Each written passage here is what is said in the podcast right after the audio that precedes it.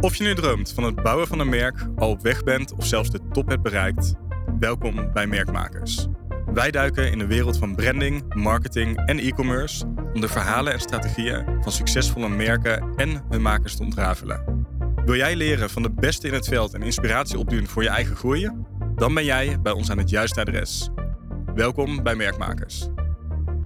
Sven, net de eerste aflevering opgenomen over het merk. Eh, zijn er ook mensen die wellicht in de tweede aflevering eh, inchecken of daarmee starten? Dit is de aflevering waarin we in gaan zoomen op jou als mens, als maker achter het merk van Celesta. Leuk. Mocht iemand nog niet over het merk hebben gehoord, dan kan dat dus in de vorige aflevering. En hierin gaan we echt op jou als, uh, als persoon in. Mijn favoriete onderdeel ook. Ik ben altijd heel erg fan van nou, de, de persoon achter een onderneming. Ik denk dat dat Tof. super significant is en, en heel erg fundamenteel voor waar een merk naartoe gaat. Zou jij eens eh, willen beginnen met een korte introductie eh, van jezelf? Wat je dan ook wil vertellen? Wat je Ja. denkt dat belangrijk is? Ja, dat is een leuke, leuke vraag. Inmiddels 32 jaar en eh 12 jaar in de e-commerce. Eigenlijk min of meer als ondernemer. Want toen ik op mijn 21ste in de e-commerce ging werken, eh, kreeg ik al superveel eh vertrouwen en vrijheid om gewoon te doen eh, waar ik goed in was. En eh, waar zij, mijn voormalige werkgevers, mijn kwaliteit in zagen. En ik denk dat dat mij heel erg heeft gevormd als persoon en als ondernemer. Om heel erg eh, mensen in hun kracht te zetten en jezelf in je kracht te zetten. Door gewoon te focussen op hetgeen waar je goed in bent. En daar je aandacht op te richten en je daarin te verdiepen. Ehm, als ik dat even terugkijk naar een periode waarin ik ehm, op school zat, wat echt helemaal niks voor mij was, Mhm. is waar je juist heel erg ja, gestraft wordt op, op de dingen waar je niet goed in bent en daar dan bijles in krijgt of daar betere cijfers in moet halen, daarvoor harder moet leren. Geloof ik veel meer in mensen in hun kracht zetten. En, en, en laat ze maar doen waar ze goed in zijn en waar ze energie van krijgen. En kijk of je daar eh, je functies op, op aan kan passen. Wat haaks tegenover het schoolsysteem staat. Waarin heel erg gehamerd wordt op... Oh, je bent niet goed in Engels? Nou, dan moet je bijles Engels. Ja. Terwijl je misschien uitblinkt in wiskunde.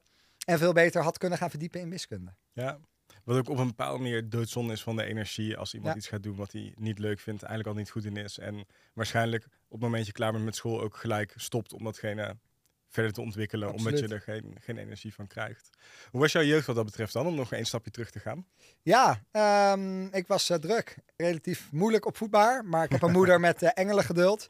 Dus eh, ik ben een aantal keer getest op eh, ADHD vroeger. Godzijdank nooit eh, eh, medicijnen daarvoor gekregen. Hm. Ehm, wel altijd heel veel eh, aandacht en liefde. Dus mijn moeder hield me altijd bezig. Ging altijd met me naar speeltuinen, boomhutten bouwen, eh, vissen. Eh, met mijn skelter rondcrossen door plassen. En dan kwam ik gewoon drie keer per dag onder de modder thuis. En ik kreeg gewoon weer drie keer per dag een schoon kleren aan. Dus, eh, dus ik moest altijd bezig gehouden eh, worden. Nu kan ik mezelf inmiddels heel goed bezighouden.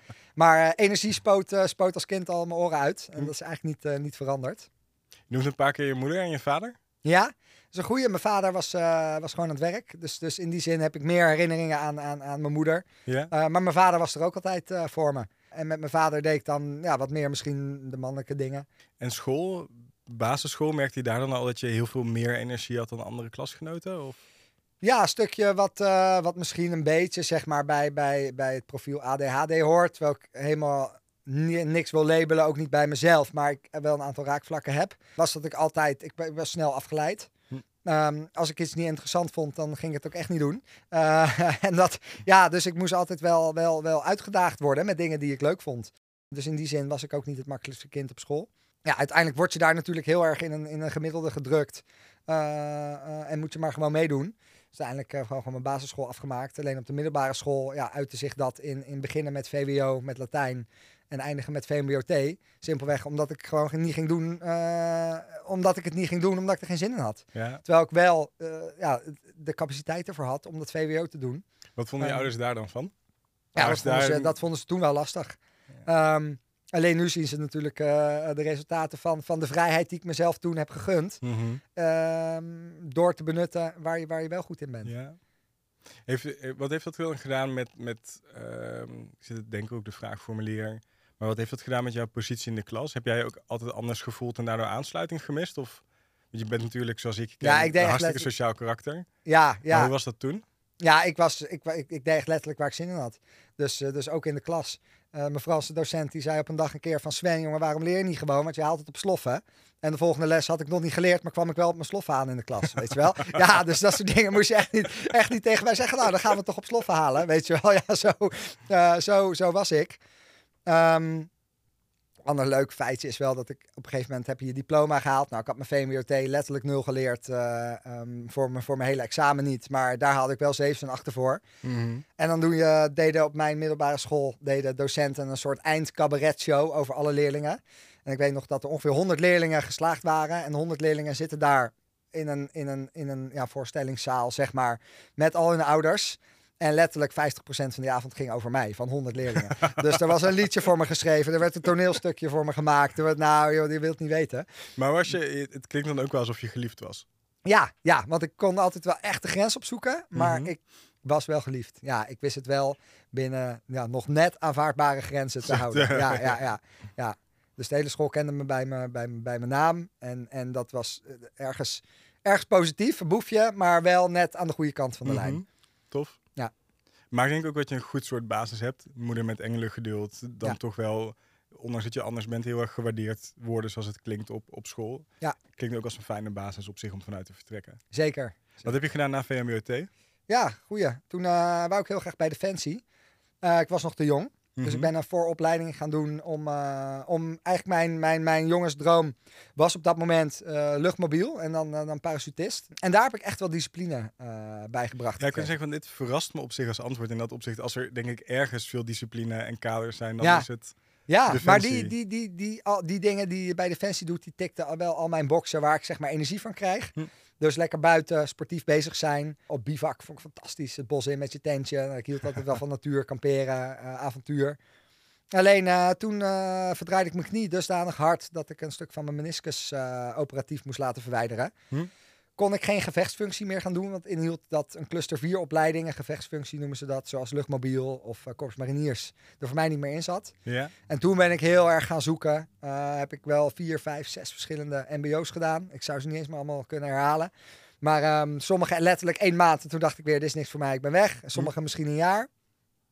Um, dat heb ik denk ik tussen mijn 17e, 18e en, ja, en mijn 21ste gedaan. Dus, dus, dus um, dat zijn denk ik vier, vier MBO's geweest.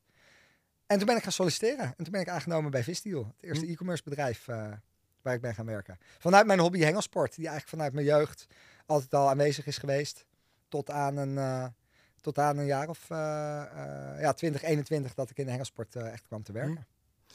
Zitten er parallellen tussen of het nu die hengelsportwinkel is of, of visdeal en defensie. Als ik zit te denken, lijkt het in enig opzicht op elkaar? Nee, totaal verschillend. Ja. ja, totaal verschillend. Zijn er dan ook echt twee kanten van jou?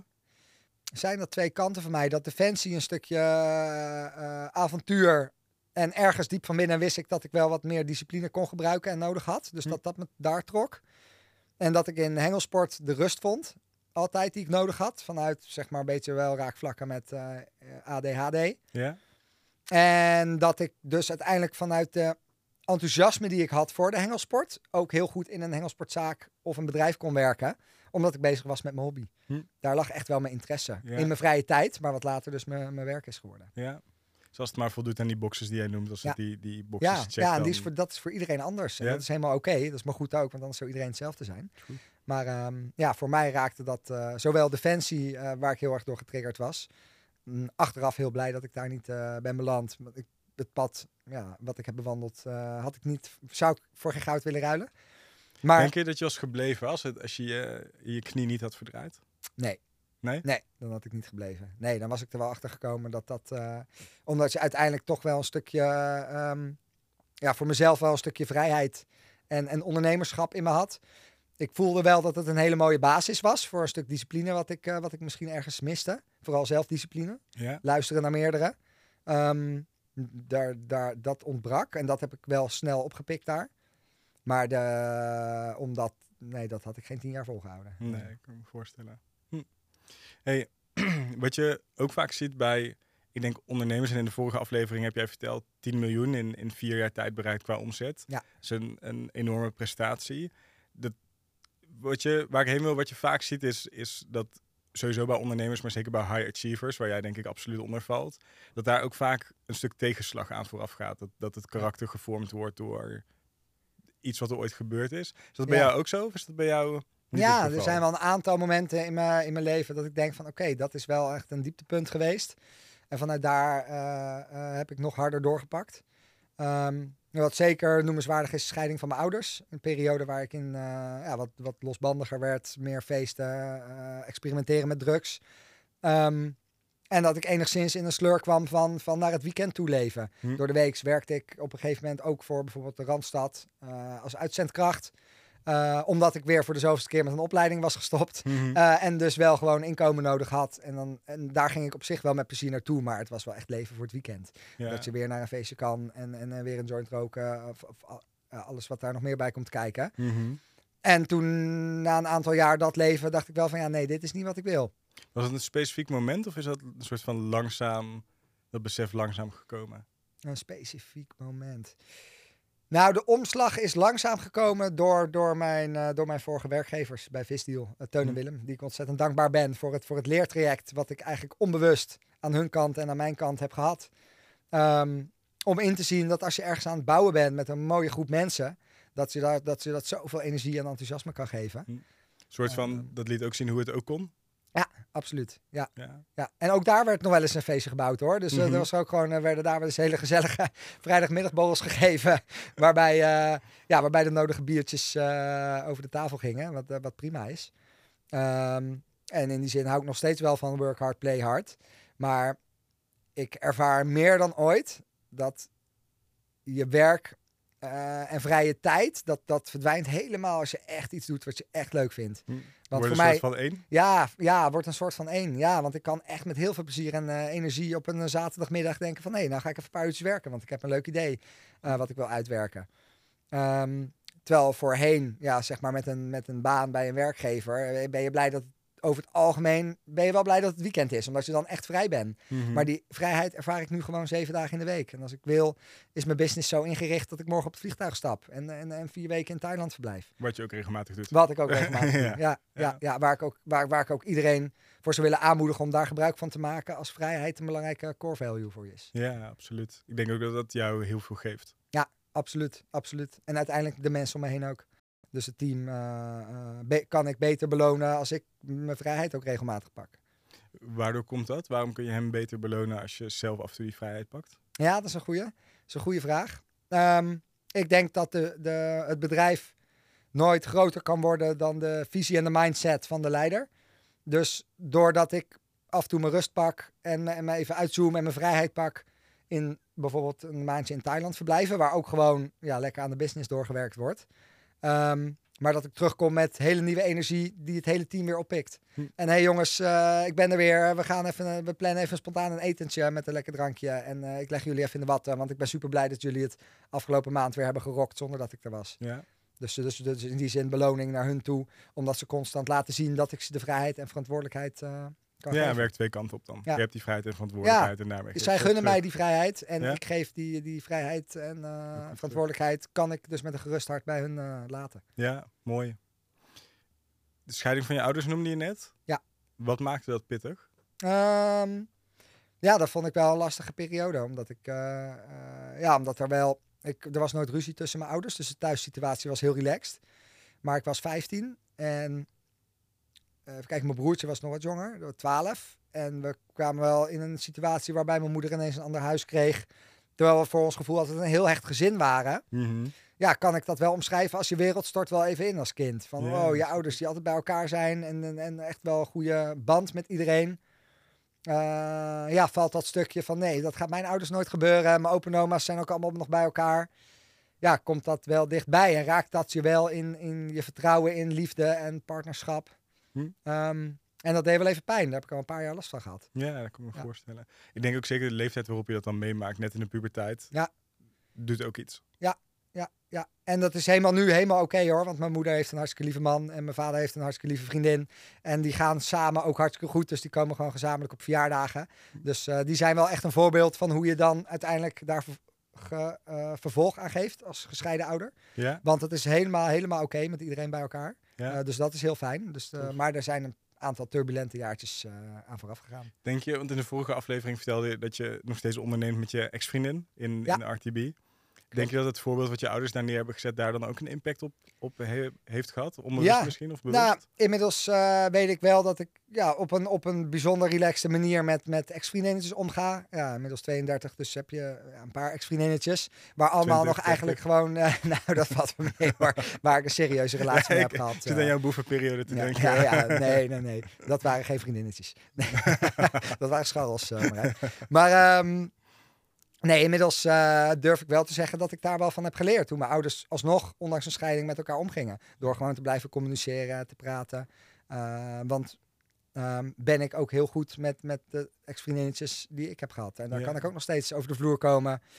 En sterker nog, ik spreek nog graag regelmatig met ze af om te horen hoe het echt met ze is. Voor een bakje koffie om eens bij te kletsen. Ja, dat is waardevol. Ja. En ik denk ook dat vaak is het als je het bij iemand anders ziet, ook wederom weer, pak even terug op waar we het net over hebben gehad. Als je ziet hoe succes eruit ziet, dat je het na kunt doen. Ik denk dat dit ook is, iets is wat je kunt modelleren naar, naar hoe je ouders het doen of hoe je het gezien hebt. Het kan zoveel geven, want het hoeft niet altijd. Mijn ouders zijn ook gescheiden en we hebben vorig jaar, is dat denk ik, gewoon nog kerst gevierd met nieuwe partners van mijn ouders en mijn ouders samen en mijn broer en ik en, en de aanhang. Het geeft heel veel. Het is ook het voorbeeld van het kan gewoon en het hoeft niet allemaal ruzie te zijn of het hoeft niet allemaal ellende of, of wat dan ook. Absoluut. Het heeft iets heel moois. Hey, hoe zou jij je eigen karakter omschrijven? Hm. Hoe zou ik mijn eigenwijs? ja, ja, ik ben wel echt eigenwijs. Ik vaar wel echt lekker mijn eigen koers in mijn leven. Maar ik sta altijd open voor de feedback en de mening van anderen. Dus hm. ik uh, werk heel erg aan mijn uh, luisteren en mijn focus. Dat is wel een verbeterpuntje. Um, super energiek en enthousiast. Dus ik ben altijd let's go. Ook al moet ik af en toe wat vaker nee zeggen. Of zou het misschien handiger zijn om wat vaker nee te zeggen. Ja? Uh, ik wil gewoon alles proberen en alles ontdekken. Dus mijn bucketlist is eindeloos. Hm. En um, try before you die. ja. Voor alles? Ja, voor alles. Wat is de meest intense ervaring die je ooit hebt gehad? Oeh, op welke, mag ik vragen op welke vlak? Wil je daar een specifiek op een ehm, bepaald... Mag in de breedste zin, maar misschien het, het, het gevoel... Ik weet niet, als ik hem op mezelf betrek, denk ik de, de meest intense ervaringen zijn de momenten dat je het meest levend voelt. Zeg maar ja. van die momenten dat je denkt, oh fuck this, I'm alive. een van de allervetste dingen en die echt ook wel op persoonlijk ontwikkelingsvlak hoog voor mij scoorde, was leren parachute springen. Dus niet een duo-sprong maken, maar echt zelf met een parachute op, je, eh, op je rug dat vliegtuig uitspringen. Iets wat terugkwam in mijn opleiding uh, bij Defensie. Omdat ik ooit heel graag bij de luchtmobiel wou als parachutist.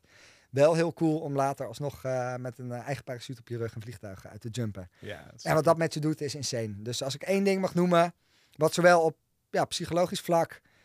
Uh, als wow, wow, wat gaaf dit. Hier, nu voel ik me echt levend. Is het mhm. wel met een parachute op je rug uh, een vliegtuig uitjumpen. Ja. Tof. Wat voor gevoel gaf dat je de eerste keer? Ja, mega veel adrenaline.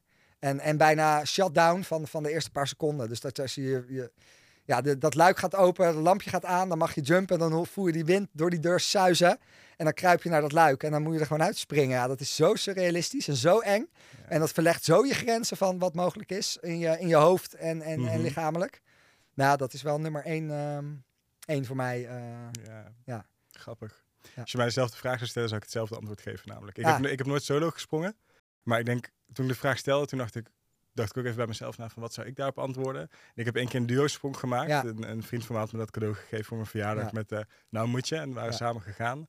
Maar het is, hoe je het beschrijft is heel mooi. Ik denk het is exact dat, zeg maar, het, moment dat je dan op die, die rand van het vliegtuig zit en, en je gaat naar beneden. Die eerste seconde weet je even helemaal niet wat er gebeurt. Ja. Maar gewoon dat gevoel daarnaast met niks te, niks te vergelijken. En het verlegt je grens in dat opzicht. De spanning die ik voelde tien seconden voordat je dat vliegtuig uitspringt. Ja was ook met niks anders te vergelijken. En vervolgens al het andere wat spannend is in je leven, daarvan denk je, ach, ik had dat tenminste, het relativeert heel erg. Ik dacht, het gevoel dat ik nu voel, niet te vergelijken met wat ik toen in dat precies. vliegtuig voelde. Ja, ja, wat, wat, wat, ja, precies. Exact dit. Ja, heel mooi omschreven ook. En dan krijg je een soort van, als ik dat kan, dan kan ik dit ook. Exact, exact. Ik denk dat er op, ja, in die zin zijn er heel veel lessen te leren uit een keer een parachutesprong maken. Of die nou duo of solo is. Ik denk dat duo, wat ik ook uh, eerder heb gedaan, een hele mooie stap is naar, naar je comfortzone uh, verleggen. verleggen. Ja. ja. ik denk voor veel mensen echt wel een enorme stap. De meeste mensen bij wie je ooit zegt dat je geskydive hebt, die zeggen, oh, dat zou ik echt niet durven. Ja. Aan de andere kant is het mooi aan zo'n dure sprong. Je hoeft niks te doen anders dan dat vliegtuig in te stappen.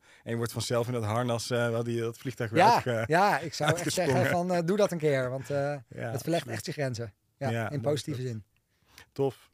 Ehm, waar doe je het allemaal voor? Hm. Wat, is, wat is hetgene wat Ja. jou drijft? Vrijheid.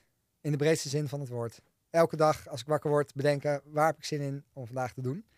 Wel met een stuk verantwoordelijkheid. Dus, dus, Mhm. dus ik, ik, ik ga heel goed tegenwoordig op ehm, de verantwoordelijkheid die ik met liefde draag voor, voor, voor bijvoorbeeld de salarissen van mijn team. Ehm, de leuke dingen kunnen doen met mijn eh, nieuwe vriendinnetje en haar zoontje. Eh, waar ik ontzettend trots van word. Eh, iets wat ik niet eerder heb ervaren. Hm. Ehm, dus ik doe het ook wel voor hun. Eh, voor mijn familie, om ze, om ze mee op vakantie te kunnen nemen, etentjes te kunnen betalen. Ehm, ja, ik doe het echt voor de mensen om me heen, eigenlijk. Hm. Ik ga heel goed op, op geven. Dus eh, ik geef mezelf helemaal niet een eh, heel gek salaris of zo. Dat, is, dat, dat verdien je in Nederland ook als je een, eh, als je een studie hebt gedaan en bij een, bij een leuk bedrijf gaat werken. Hm. Maar wel de vrijheid dat ik zeg maar gewoon morgen in het vliegtuig kan stappen naar Thailand en, en, en mijn vriendin en haar zoontje mee kan nemen. Of mijn ouders die in Spanje zitten, spontaan een weekje op zoek omdat ze in een lekker appartementje zitten aan de kust daar. Tof. Dus eh, Wat is het wat die vrijheid je geeft? Of waarom geeft dat zo'n goed gevoel? Kun je dat ja, uitleggen? ja, dat is wel een stukje gevoel van leven. Ja, dat is wel daar, daar levensenergie. Ik ga echt aan op spontaniteit, een avontuur en eh, s ochtends wakker worden en denk, hé, hey, zijn er nog wat last minutes vandaag naar eh, weet ik veel waar, maar ik heb zin om daarheen te gaan. Je noemde net ook een stukje work hard, play hard. Ziet play Ja. hard er nog steeds hetzelfde uit als vroeger? Of is dat veranderd? Nee, dat ziet er niet meer hetzelfde uit als vroeger. En die momenten zijn ook wel minder. Maar ik denk dat af en toe een potje zuipen met je team ook wel eh eh, zo aan de dijk kan zetten. In de zin van, dan ga je toch net wat losser eh, met elkaar om. Be- ben je wat vrijer in je spraak. En ehm, Is dat ook niet een gevaar? Ik denk dat als veel mensen zouden luisteren, dat ze dan denken: oh, maar wat als dan. Vul maar in. ja, ik denk dat dat gekeken is vanuit angst. Ik, ik kijk altijd vanuit positiviteit. Dus eh nou, zou misschien wat vaker moeten eh, kunnen bedenken wat, wat, wat dan. Maar ik ga gewoon voor, voor de volle 100% vanuit de positiviteit. Maak en dat betekent niet dat je helemaal laveloos hoeft te worden. dat je niet meer weet wat er die avond is gebeurd. Hè? Dat je met je, met, ja, met je, met je klantenservice-medewerker eh, op de bar staat te dansen, te tongen, weet ik veel wat. Ja, dat zou ik niet aanraden. Maar ehm, eh, ik denk dat je, ehm, dat gewoon leuke dingen doen. En kijk, play hard. Ja, in de zin van, ik ga nog wel eens naar een festival. En dat vind ik ook gewoon leuk om te doen. Ja. snap ik. Is het, want je zegt net, wat iets heel moois is, vind ik, zit ook iets heel puurs in, dat je niet vanuit angst gaat, maar eigenlijk vanuit vertrouwen of positiviteit. Stuit je dan ook niet af en toe heel erg met je neus op de deksel? Ehm, ja, het grappige is dat, wat is dan met je neus op de deksel stoten? Mhm. Want ik benader alles vanuit positiviteit en positieve energie en we gaan dit gewoon doen. Maar als het niet lukt, haal ik mijn schouders op en dan probeer ik het op een andere manier. Hm. Dus ik, ik heb niet het idee dat ik uit mijn hoofd stoot. Mooi. Ja, Ja. Doet me ook denken, diezelfde vriend die mij heeft meegenomen skydiven, daar heb ik één ding heel erg van geleerd. Die zei ook, die, die was ook altijd van het vertrouwen en het geven, terwijl ik in die tijd denk ik iets sceptischer was. En hij zei, ik, dat vond ik ook wel een mooie insteek. Hij zei, het moment dat ik iedere keer energie moet gaan besteden aan, aan de wat als en een wat dan en wat als die dit of wat als die dat.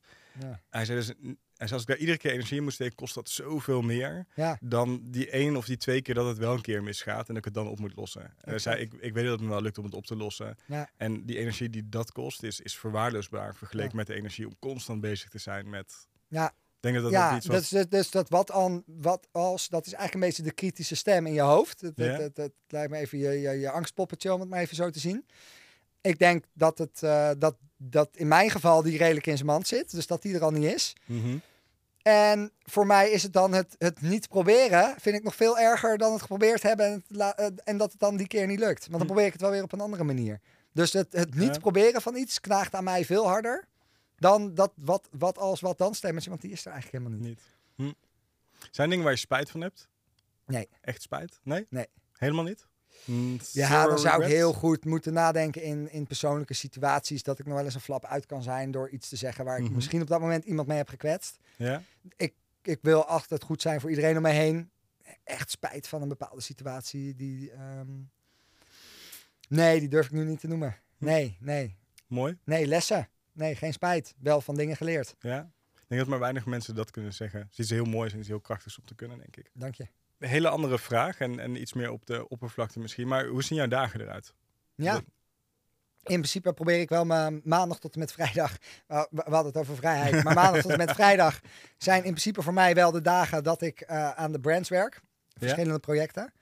Um, en het weekend probeer ik steeds meer mijn rust te pakken. Ik heb wel echt drie jaar lang, zeven dagen in de week, minimaal acht tot tien uur per dag echt zitten beuken. Om te, om te staan waar ik nu sta. Dat is de laatste zes maanden wel een stuk minder geworden. Uh, en dat is prima zo. Waarom dat eigenlijk is ontstaan is omdat mijn team nu dusdanig goed en professioneel staat. Is dat ik een goed idee heb dat ik niet per se meer zelf heel hard eraan hoef te gaan trekken. Maar dat ik het kan delen met de juiste mensen. En op, bij elk idee heb je verschillende onderdelen. Ik noem even een stukje bijvoorbeeld copywriting Mhm. en content. En er moet een mooie nieuwe landingpage komen. En er moeten advertenties komen. En inmiddels heb ik zo'n mooi team om me heen.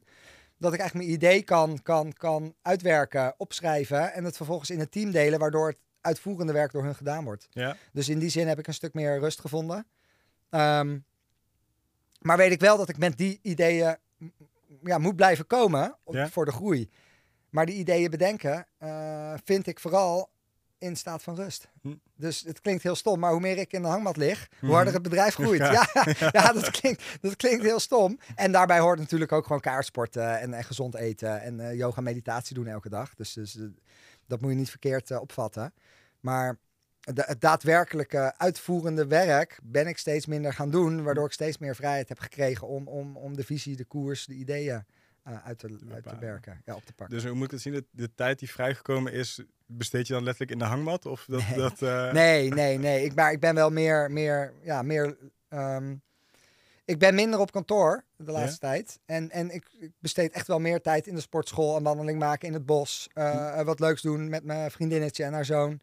Ehm, en daar, ja, daar in, in de sportschool, als ik lekker in mijn eentje in de gym ben, in het zwembad of het bubbelbad lig of door het bos wandel, ploppen die, die nieuwe ideeën weer binnen. Ja. ja. Dan is er ruimte in mijn hoofd. En, Ja. en dat is voorheen, was dat vooral gewoon heel hard werken aan de groei van Celesta.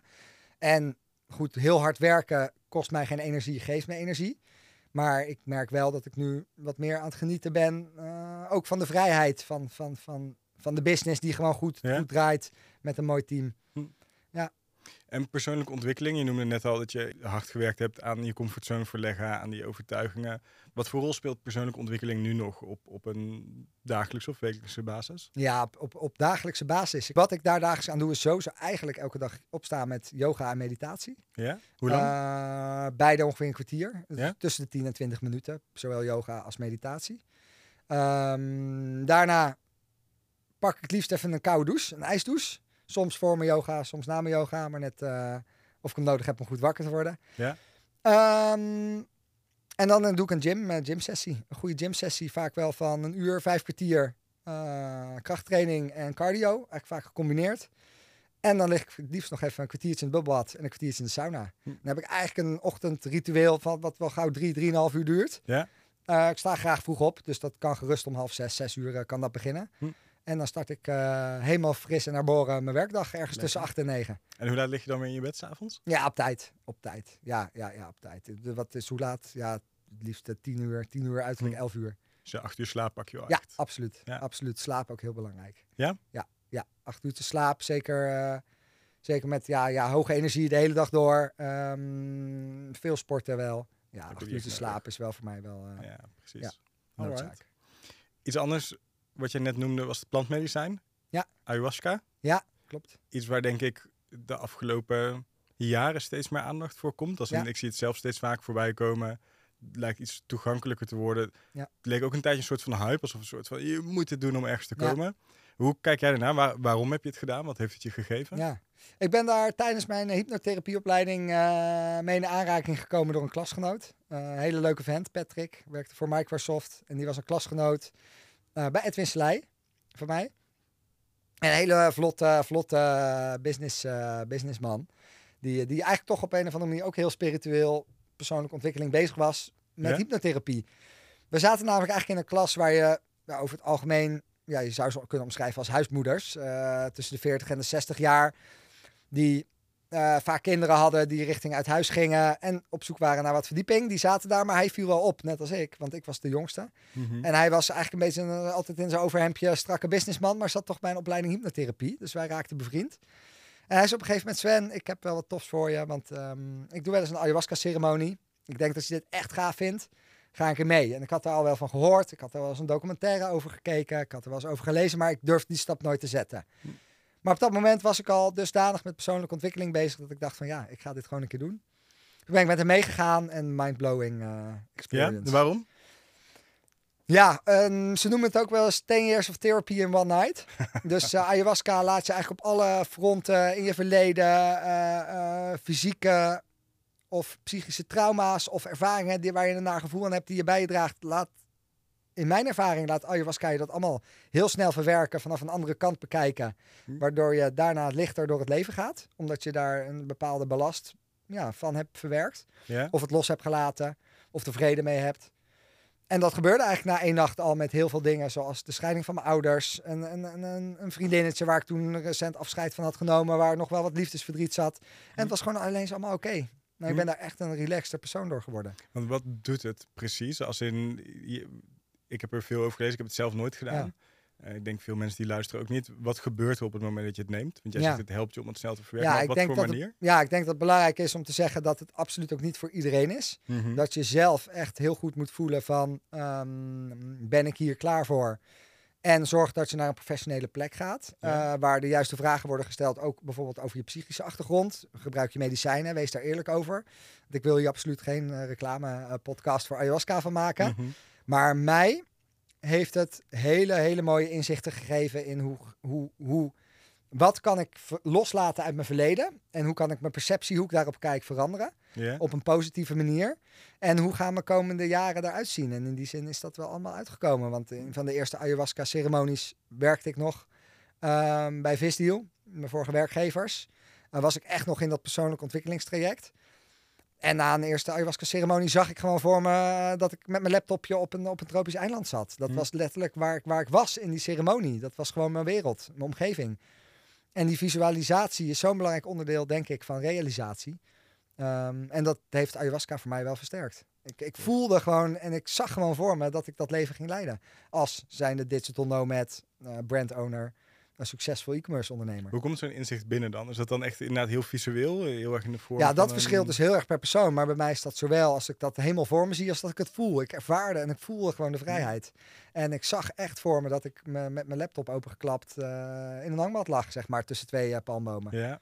En wat jij net zei, heel mooi in een paar woorden. Visualisatie, belangrijk onderdeel van realisatie. Ja. Heeft jou denk ik ook gedreven om daar te komen. Als, en als je het dan een soort van hebt ervaren, ook al is het maar een moment of, of zo helder voor je hebt gezien, kan ik me voorstellen dat het makkelijker is om, om Ja. er heel hard op af te Ja. rennen. Ja, ik denk dat visualisatie de eerste stap is van, van realisatie en creatie. Dus ehm, dat op het moment dat je een heel helder doel voor ogen hebt en we echt weet waar je naartoe wil en niet stopt voordat je dat hebt bereikt, dat het altijd komt. Ja. Ja, sommige doelen en visualisaties misschien eh, te realiseren in een week, andere misschien tien jaar. Maar geef niet op en ga daarvoor. En je doel zal altijd bereikt worden. Mooi. Ja. Hoe, kijk je, hoe ver kijk jij vooruit qua doelen? Als in, je hoort altijd veel mensen van de cliché vragen stellen als in, oh, wat is je jaarplan of je vijfjaarplan of je tienjaarplan? Maar Ja. hoe, hoe, vaak, eh, hoe, hoe ver kijk jij daadwerkelijk vooruit? Dat gaat wel eh, meer dan tien jaar vooruit. Waar sta je over tien jaar? Ja, een goede vraag. Eh, leuke vraag. Een mooi huis in Spanje. Een mooi huis in Nederland. Een mooi appartement in Dubai. Inmiddels een eigen kindje. Ehm, veel bij mijn familie. Dus veel tijd doorbrengen met familie. En Celesta is inmiddels een bedrijf wat, wat heel Europa heeft veroverd. Met honderden miljoenen omzet. Cool. Ja. Waarom zijn die huizen, dat was de eerste waarmee je begon, waarom is dat belangrijk? Waarvoor wil je die verschillende huizen hebben op die verschillende plekken? Ja, dat is wel, ja, omdat ik, ik hou wel echt van thuiskomen. Dus ik, ik, ik voel me nu echt thuis op de plek waar ik woon. Ja? Eh, daar heb ik ook gewoon mijn huis. Ehm, maar ik zou dat wel op meerdere plekken eh, in Europa of in de wereld willen ervaren. Eh, en ik hou van, van de vrijheid en de variatie. Dus eh, in de zin de vrijheid die ik als eigenaar van een, van een e-commerce business heb. Ja? Om gewoon constant te switchen. Maar wel op verschillende plekken echt het gevoel van thuis te hebben. En niet alleen maar te leven in, in gehuurde appartementen of huizen ja. of villa's. Of, ehm, Nee, dat is wel een stukje een vastgoeddoel voor mezelf. Is gewoon wel eigenaar van, van, van, van drie huizen slash appartementen. Waar je gewoon lekker tussen kan switchen, afhankelijk van het jaargetijde en het klimaat. En je familie kunt ontvangen. En, met je, En je familie en, Ja. en, en, en met vriendin slash vrouw tegen die tijd. Ehm, Ja. Hey, en je zei net eigen kindje. Ligt in dat tien jaar plan. Ja. Als je een kind zou hebben, wat zou hetgene zijn wat je hem of haar over zou willen brengen? Wat zou een soort Ja. van... Ehm, ik zou ja, willen stimuleren om te, om te doen waar je energie van krijgt. Dus ik zou, zou niet zo snel eh, eh, straffen op hetgeen wat zo'n kindje niet wil doen. Maar heel erg motiveren in hetgeen waar, waar ze zichzelf in ontplooien. Hm. Dus is, is je kind gek op tekenen? Ja, top, weet je. K- Koop, koop een leuke, een mooie tekenset voor, voor, voor die persoon, voor je kindje. En stimuleer dat. Maar ja, heeft hij een hekel aan eh, eh, leren fietsen? Laat het maar los, dan komt het vanzelf wel. En wat als hij een hekel zou hebben aan school? Net als Ja, jij? dat is, een, dat, is een, eh, dat, is een, dat, is een, dat is een vraag waar ik nu heel erg mee, eh, mee zit. Voor, voor het kindje, de zoon van mijn huidige vriendin. Ehm, die wordt volgend jaar vier, dus dan is die in Nederland leerplichtig. Ja? En op dit moment zijn we heel erg aan het stoeien met die vraag. Van, van, omdat wij allebei, ehm, zowel mijn vriendin als ik, ehm, niet heel erg meer geloven in het Nederlandse schoolsysteem. Ehm, weten we op dit moment eigenlijk nog niet hoe we dat voor hem gaan eh, inkleuren. Hm. Nee, maar dat zou waarschijnlijk wel een vrijere optie zijn dan in Nederland naar de basisschool. Vijf dagen per week. eh, Ja, ja, ja. Dus eh, dat, die, die vraag die speelt nu. En dat is een, de eentje waar ik nog geen heel duidelijk antwoord op heb voor mezelf. Maar dat gaat vrijer zijn dan ik het zelf vroeger heb gedaan met ja, acht jaar Ja. basisschool. Mooi hoe wat dat betreft ook weer de dingen doorgeeft waar je zelf behoefte aan hebt gehad, denk ik. Ja, ja ik denk als iemand, ehm, of in dit geval eh, van, van een kindje, de vrijheid krijgt om zich te ontwikkelen in hetgeen waar hij heel goed in is, al op jongere leeftijd. Eh, en versta me niet verkeerd, leren lezen en schrijven is natuurlijk super belangrijk. Enigszins wat discipline en, en luisteren naar bijvoorbeeld een docent of een ouder ook. Maar ik denk dat wij eh, op, in het huidige schoolsysteem heel erg klaar worden gestoomd eh, om vooral zoveel mogelijk belasting te betalen. En niet per se om je te ontplooien in hetgene waar je goed in bent met Ja. een eigen bedrijf. Dus dat zou ik een, eh, iemand wel meer mee willen geven. Ja. Hm. En als we het bruggetje maken naar, die denk ik niet eens zo heel ver ligt, maar, maar het omgaan met je eigen team, wat natuurlijk ook Ja. heel erg vanuit jouw karakter komt. Je hebt al eerder net verteld dat datgene wat je belangrijk vindt, is ook daar eigenlijk, en daarom trekt de parallel ook mensen hun eigen kracht te zetten en te Ja. laten doen waar ze goed in zijn en waar ze energie van krijgen. Wat zijn nog meer dingen die jou, jouw leiderschapstijl kenmerken? Ja, ja vrijheid, eh, vertrouwen en verantwoordelijkheid zijn drie hele belangrijke kernwaardes bij mij in mijn business. Ehm, daarnaast ben ik altijd heel enthousiast over iedereen's ideeën. Dus ik ben altijd gewoon, eh, ik, ik, ik, ik geef iedereen echt, echt de vrijheid ook om met ideeën te komen en die ook uit te voeren en ook daar budget voor vrij te maken als het nodig is. Maar ben je ook enthousiast naar hun als je zelf eigenlijk het idee niet ziet zitten? Zeg maar, is het een soort van standaard reactie of is het wel oprecht? Nee, het is oprecht, want ik ben, eh, als je het niet probeert, weet je het resultaat niet, toch? dus, eh, ja. nee, dus ik ben altijd enthousiast om het Hm. te testen. Als ik denk vanuit mijn eigen e-commerce ervaring, want 12 jaar op mijn leeftijd is relatief veel e-commerce ervaring, omdat Zeker. ik jong ben begonnen met werken, dan zal ik eerlijk zeggen van, nou jongens, eh, deze, om deze, deze en deze reden denk ik dat we deze beter kunnen laten gaan. Hm. Dat gebeurt natuurlijk wel eens, maar over het algemeen is het gewoon eh, let's go en eh, we proberen het. En verder? Eh leiderschapstijl. Mhm. Ja, ehm, relaxed. Niet opstellen als, als, als ik ben meer of beter of de baas of ik, ik, ben, een, ik, ben, een, ik, ben, een, ik ben een werkgever. Ehm, maar ik wil echt een goede werkgever zijn. En ik denk dat het team dat voelt. Hm. Ehm, en je mag me ook als een maatje zien. Weet je, je kan bij mij met alles terecht. Ja, laat, laat me weten Ja. als, je, als je ergens problemen mee hebt. Of als je niet lekker in je vel zit. Of eh, als het niet goed gaat met een van je kinderen. Of, snap je? Want dan ben die- ik er ook voor je. Of dan kijken we samen naar een oplossing. Ja, mooi. Ik denk dat dat ook altijd twee kanten op werkt. Als Ja. jij dat naar hun toe laat zien, krijg je het ook terug. Ja. Precies, Ja. precies. Dus daar krijg je ook, je, eh, nou, daar krijg je ook veel vertrouwen voor terug. Ja. Ja. Alright. En enthousiaste eh, werknemers. Hele andere vraag weer. Wat zijn misvattingen over het ondernemerschap of over het hebben van een merk die je recht zou willen zetten? Ehm goeie. Wat zijn misvattingen? Ja, ik denk dat veel mensen eh, in mijn omgeving, zeker de jonge ondernemers, eh, de fout in gaan door heel snel een heel excentriek leven te gaan leiden. Veel geld uitgeven. En daarmee eigenlijk hun eigen groei in de weg zitten. Ja? Ehm, Dus ja, opvattingen dat als je eenmaal 10 miljoen omzet per jaar doet. ehm, ja, wil niet zeggen dat ik mezelf eh 20.000 euro salaris per maand geef. Ja. Ik blijf door investeren in de groei en geloof in een lange termijnvisie. Hoeveel Eh, salaris, als ik het mag vragen, ja. betaal je zelf dan Ja, uit? dat is op dit moment 3500 euro netto. Wat een, wat een mooi salaris is, maar waar ik ook gewoon alles van betaal. Ik rij mijn auto ook privé. Ja? Dus, eh, eh, dus daar gaan woonlasten, eh, verzorgverzekering, auto, benzine, Hm. boodschappen, etentjes, alles doe ik daarvan. Heb je het voordeel natuurlijk wel, omdat ik inmiddels meerdere BV's heb, dat ik heel veel dingen zakelijk kan boeken. Eh, Ja. die ook vaak zakelijk zijn. Kijk, wij gaan na deze podcast lekker een hapje eten. En dat eh, Dat gaat gewoon eh, op de zaak. Want het is ook zakelijk. Dus op die manier, ja, wat, wat, wat heb je meer nodig? Het is volgens mij ook enigszins wetenschappelijk aangetoond dat meer dan 80.000 euro bruto inkomen per Ja. jaar helemaal niet meer je geluksniveau eh, ehm, vergroot. Mhm. Daar hou ik me enigszins aan vast. Maar goed, ik hou wel van een, van een goed restaurant en, en, een, en een goede vakantie met, met, Ja. met, met een mooie, mooi verblijf. Eh, alleen meestal zit ik daar dan ook om business-wise redenen. Dus, dus maak je die kosten op de zaak. Mhm. Dus in die zin ja, geef ik wel wat meer uit dan het salaris wat ik mezelf betaal. Ja, Maar is dat ook echt te verklaren als businesskosten? Want ik werk gewoon echt beter in een fijne werkruimte als ik ergens een vakantieverblijf huur. Dan dat ik in een klein houten hutje ga zitten waar je bij elkaar op de lip zit. Ja. dus één misvatting is sowieso, of een, in elk geval een, een misstap die snel wordt gemaakt. Ja, Snel geld uitgeven op het moment dat je het verdient. ja, En ja misschien ook wel het beeld dat als iemand succesvol is, dat diegene automatisch een soort van mega luxe leefstijl heeft. Ja, ja, ja. Blijf, blijf, blijf investeren. Eh, ga niet te snel te gek doen met je financiële middelen. Ehm, en geloof echt in de lange termijnvisie. Want moet je zien waar je, als je tien jaar lang aan een brand bouwt met een gezonde winstmarge, eh, mooie cijfers, ehm, wat je dan hebt neergezet. Ja, Ja. veel meer dan op het moment dat je Ja. vroeg een stuk cash eruit haalt. Ja, absoluut. Ja. Even benieuwd, met hele snelle antwoorden. Welk boek heeft een significant effect gehad op wie je bent? Think and Grow Rich van Napoleon Hill, absoluut. Welk persoon heeft een significant effect gehad op wie je bent geworden? Michael? Pilagic. Ja? Ja, absoluut. Waarom?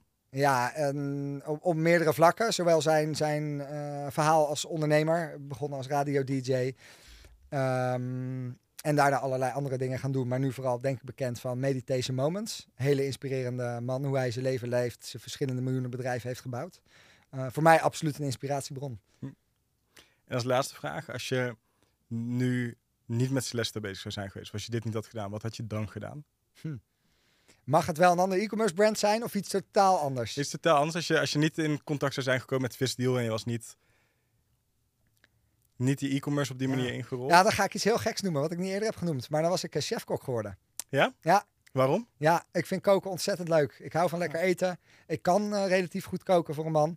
Ehm, ik heb vroeger... nee, maar echt goed. Nee, echt Ja? goed. Ik heb in een luxe eh, cateringbedrijf en traiteur gewerkt... waar echt veel met mooie producten werd gewerkt. Wildvlees, caviar, truffel, noem maar op. Hm. Eh, goede wijnen. En ik heb eigenlijk voordat ik bij eh, Defensie ging... ook heel lang geflirt met de gedachte om de koksopleiding te gaan doen. Ja? Maar puur vanwege de vergoeding en de werktijden heb ik dat niet gedaan. Maar dan was ik absoluut. eh, ik sluit niet uit dat ik ook nog een restaurant eh, koop. Oké, oké. Ja. Wat grappig is, want volgens mij zie je dat veel ondernemers een soort van aan het eind van hun carrière doen. Tenminste, ik ben afgelopen jaar op Bali geweest en daar zie je heel veel ondernemers die uiteindelijk na een succesvolle exit een koffietentje, restaurant of Ja. iets beginnen. Ja. Heeft misschien ook wel iets idyllisch op een bepaalde manier. Ja, dat denk ik. Ja. Ja. Ja. er komt wel een stukje tevreden gasten. Gasten gelukkig maken met lekker eten. Ehm, ik, ik geniet als ik andere mensen zie genieten. Ja. Ja. Mooi.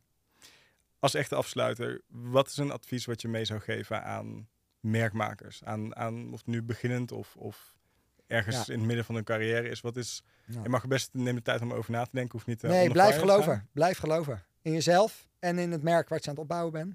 Want het enige wat het succes in de weg staat, is dat je er eerder mee zou stoppen voordat je het succes hebt bereikt. Geef niet op. Geef niet op. Altijd door blijven gaan. Mooi. Dankjewel Sven. Yes, graag gedaan eh, Marijn. En jij bedankt voor de uitnodiging. Bedankt voor het luisteren. Heb je waardevolle inzichten gekregen? Ben je geïnspireerd of heb je gewoon genoten van het gesprek? Overweeg dan om ons een beoordeling te geven en ons te volgen via jouw favoriete podcast-app, zodat je geen enkele aflevering mist. Ik wil je aanmoedigen om de inzichten en lessen die je vandaag hebt opgedaan toe te passen in je eigen merkavontuur. En vergeet niet, bij Nodot zijn we er altijd om je te helpen bij je groei. Wil je in contact komen? Bezoek dan onze website op nodots.nl. Tot de volgende keer bij Merkmakers.